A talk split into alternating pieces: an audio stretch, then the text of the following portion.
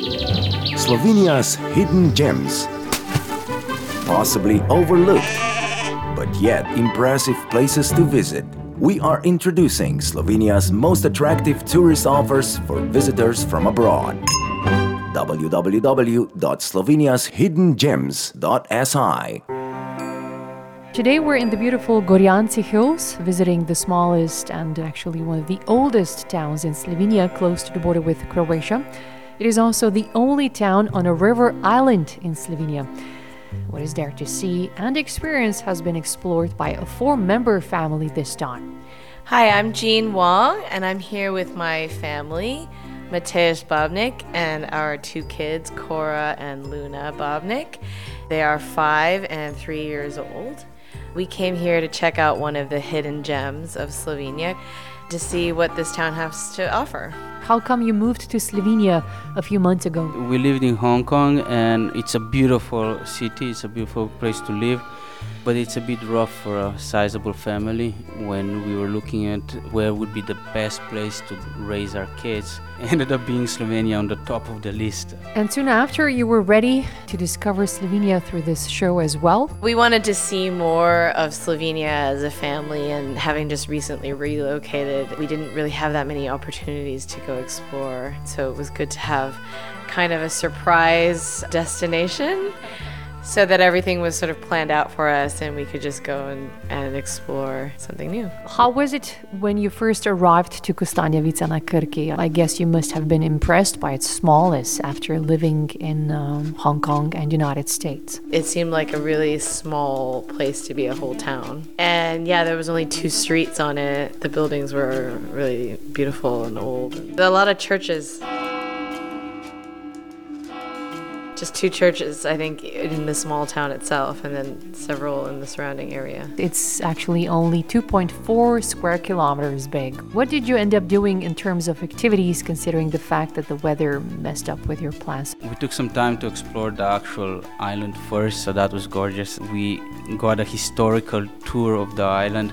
It's funny because it's, it's such a small place but the history is so long. it's 700 years of history in a, such a tiny place. It was uh, interesting to find that it originally wasn't even an island. It was just a bank. In Middle Ages, they made it into an island just so that they can get the city rights.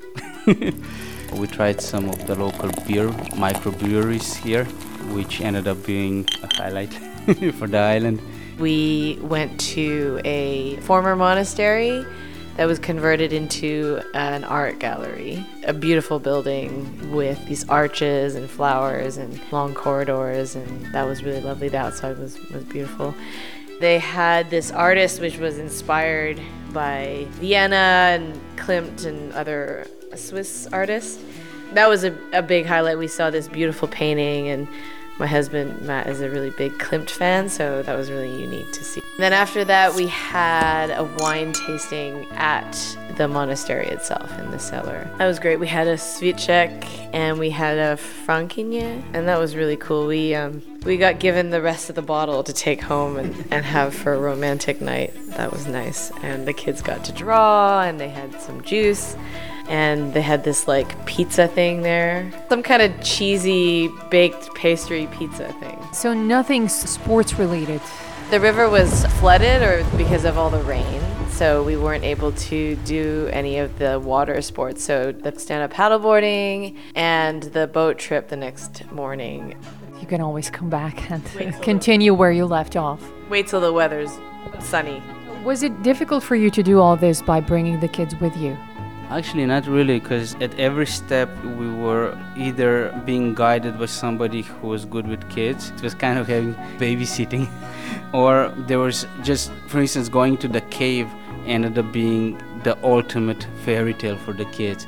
Everything in there has a story. So we ended up finding a church, we ended up finding a proper giant, and we can actually see the giant and his teddy bear. and even when we were doing the beer tasting, they had an opportunity to, run around and explore some of the Slovenian pastime, which is gardening. So they were able to actually pick up their own produce, their own fruits, and eat them. Well, the rest of the day we were just running around or sleeping. Maybe this is a good time to make a short music break now, and we will hear from you guys later on. But after the music break, we will hear from some of the providers of this package. Slovenia's hidden gems. For your vote, go to www.sloveniashiddengems.si. Kristina Simončić of the Tourist Info Center here in Kostanjevica na Krki. You helped us organize the visit of our scouts and today's show. What can you say about the town? Well, Kostanjevica na Krki is one of the oldest medieval towns and definitely the smallest town in Slovenia, and also the only one located on a river island. It attracts numerous visitors from near and far with its rich natural and cultural heritage. Just nearby town center stands a jewel of medieval architecture, the former Cistercian monastery, which was founded by the Carinthian Duke in 1234. Since 1974, it has housed the Božidar Jakac Art Museum. It's one of the biggest art museums in Slovenia and preserves and exhibits mostly 20th century art with a focus on Slovene expressionism. The Forma Viva International Sculpture Symposium also boasts a rich tradition as the oldest still running sculpture symposium in the world. Kostanjevica na Krki is an ideal place for a relaxed or active break with its many hiking trails on nearby Gorjanci Hills in Krakovo Forest and various possibilities for sport activities on the River Krka. Very popular options for visitors in summertime are renting a boat or renting a SUP as to enjoy the panoramic view of the town from the River Krka. An important element in Kostanjevica is also wine growing tradition. In the Cviček wine cellar at the Božidar Jakac Art Museum, visitors can learn about the history of the local wine, Cviček, and its production. It is possible to taste and buy many varieties of local wines produced by the 12 members of the Cviček consortium. Jakub Jelenic of the uh, Jelenic Winery. What do people usually come for? Tasting the wine, also for our homemade products like salami or bacon. But the main thing on our farm is wine. We produce 90% of Cviček, which is our traditional wine.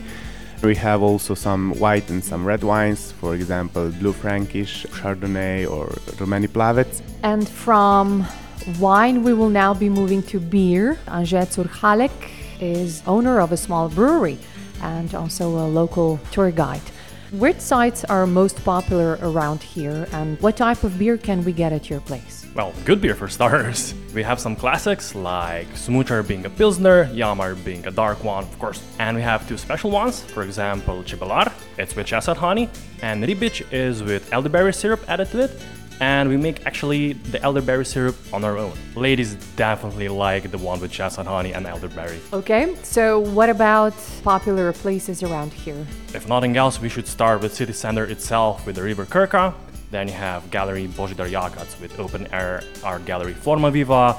Of course, Kostanjevica Cave being the largest Dolenjska cave, largest modern mosaic on the side facade of our primary school, Guard Tower in Chernechava, the three bridges connecting the island with the mainland, the second largest oak tree in Manence, just to name a few. That's quite a bit. Thank you for this, and we will now uh, move over to Nina Orehek, who is the owner of the uh, B&B Villa Castanea. Nina, our scouts stayed the night at your place. Maybe a few words about its physicalities and its character. The villa is from the second part of the 19th century and it's completely refurnished. It's cultural local monument as the whole island of the town Kostanjevica na Krki. And uh, we have uh, nice modern nine uh, rooms. Two of them are family rooms. Then we have also double rooms and one triple room. We offer overnight with the breakfast. Our motto with the breakfast is from the garden to the table. So we offer local products from um, seasonal local farms, bread, uh, fruit, vegetable, meats, yogurt, for example, marmalade jams, and it's a nice place to relax. It's in the middle of the island, so it's a nice entrance or start for exploring Kostanjevica na Krki and also Dolenjska region and Posavje. Perfect. Slovenia's hidden gems. For your vote, go to www.sloveniashiddengems.si. Jean Wong from Hong Kong and United States, her Slovenian husband Matevž Babnik, and their two lovely children of three and five, Luna and Kora, have been sent to Kostanjevica na Krki in the historic Lower Carniola region of southern Slovenia, this time to test a two day tourist offer called The Smallest Town for the Greatest Experiences. We're talking to them in the Jelenic wine cellar, where they just finished tasting some of the local produced wines. It makes sense to ask you about your experience with the gastronomy of this area now. The food part here is really good. There's a lot of very um, traditional dishes that personally I haven't had in years. So it was uh, kind of bringing back memories of childhood. And in terms of wine, hey, yeah, keeps getting better and better. Today we tried Sansvicek, which was really smooth, easy to drink, which is how it should be. We tried some of very localized wines that they make only on these couple of hills here, and are nice and sweet dessert wines really nice. I really enjoyed the stew that we had for lunch today. Uh, it was lamb stew, the salami that they had here at the Jelenic cellar. And I really enjoyed the dessert wine that we tried here. That was my favorite. And then uh, for the Gostilna we ate at the other night, I really enjoyed their chocolate souffle dessert with ice cream. That would probably be the highlights for me gastronomically. What about the kids? They never liked meat that much in Hong Kong, but they say, Daddy, Daddy, meat here is so good. so they like the salami and the speck, Bacon. the bacon. So maybe from food to accommodation, how was it to stay the night over there? Great, we got this family room, two beds for the kids and a big bed for us. Yeah, it was clean, it was beautiful. We had a bath. You could see from one side one church, the other side you could see the valley, and when you, you stepped out of the house, you could see the other church as well. It was really nice. It's worth mentioning that Villa Castanea is situated in the old town center of Kostanjevica na Krki. Did you happen to travel back to the early 13th century, perhaps? Well, today we got a tour of the countryside region, and we learned that the people who settled here were originally pirates, but of the Adriatic.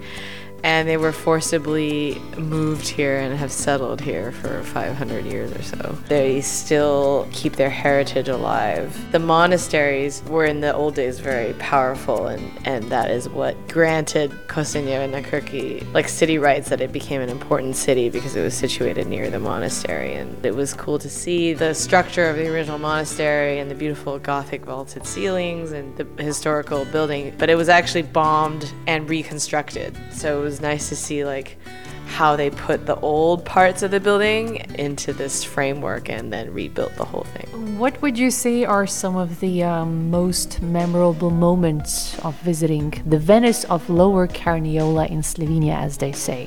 What gems will you be sharing with your friends and family once you get back home? I think for me it would be just the friendliness because anyone that we met here really took the time to get to know us, to explain everything there is to explain about. From sightseeing, I was blown away by the cave the most. This one was very intimate, even though it's very safe and very easy to go into. You kind of have that feeling like now I'm exploring something new and Uh, I really liked the monastery. It was really beautiful um, and unique. I would say also the cave was great because we never had a, a personal cave tour before. Usually it's like some big commercial cave like Postojna or with a thousand different lights and things like that. And this one was, it felt more authentic because you could just walk in there and there's one little path and you know, no one else is around, so you really feel the atmosphere of the cave. And at a certain point, like, he turned off all the lights. And that was really something special, to just be in, like, complete darkness and, and to see, like, what a real cave looks like. Nice. You've also taken some photos for us to see some of the uh, things from your trip. So I'm inviting everyone to go online and look for them on uh, www.sloveniashiddengems.si. thank you for having us. That was amazing. Slovenia's hidden gems. Possibly overlooked, but yet impressive places to visit. We are introducing Slovenia's most attractive tourist offers for visitors from abroad. www.sloveniashiddengems.si.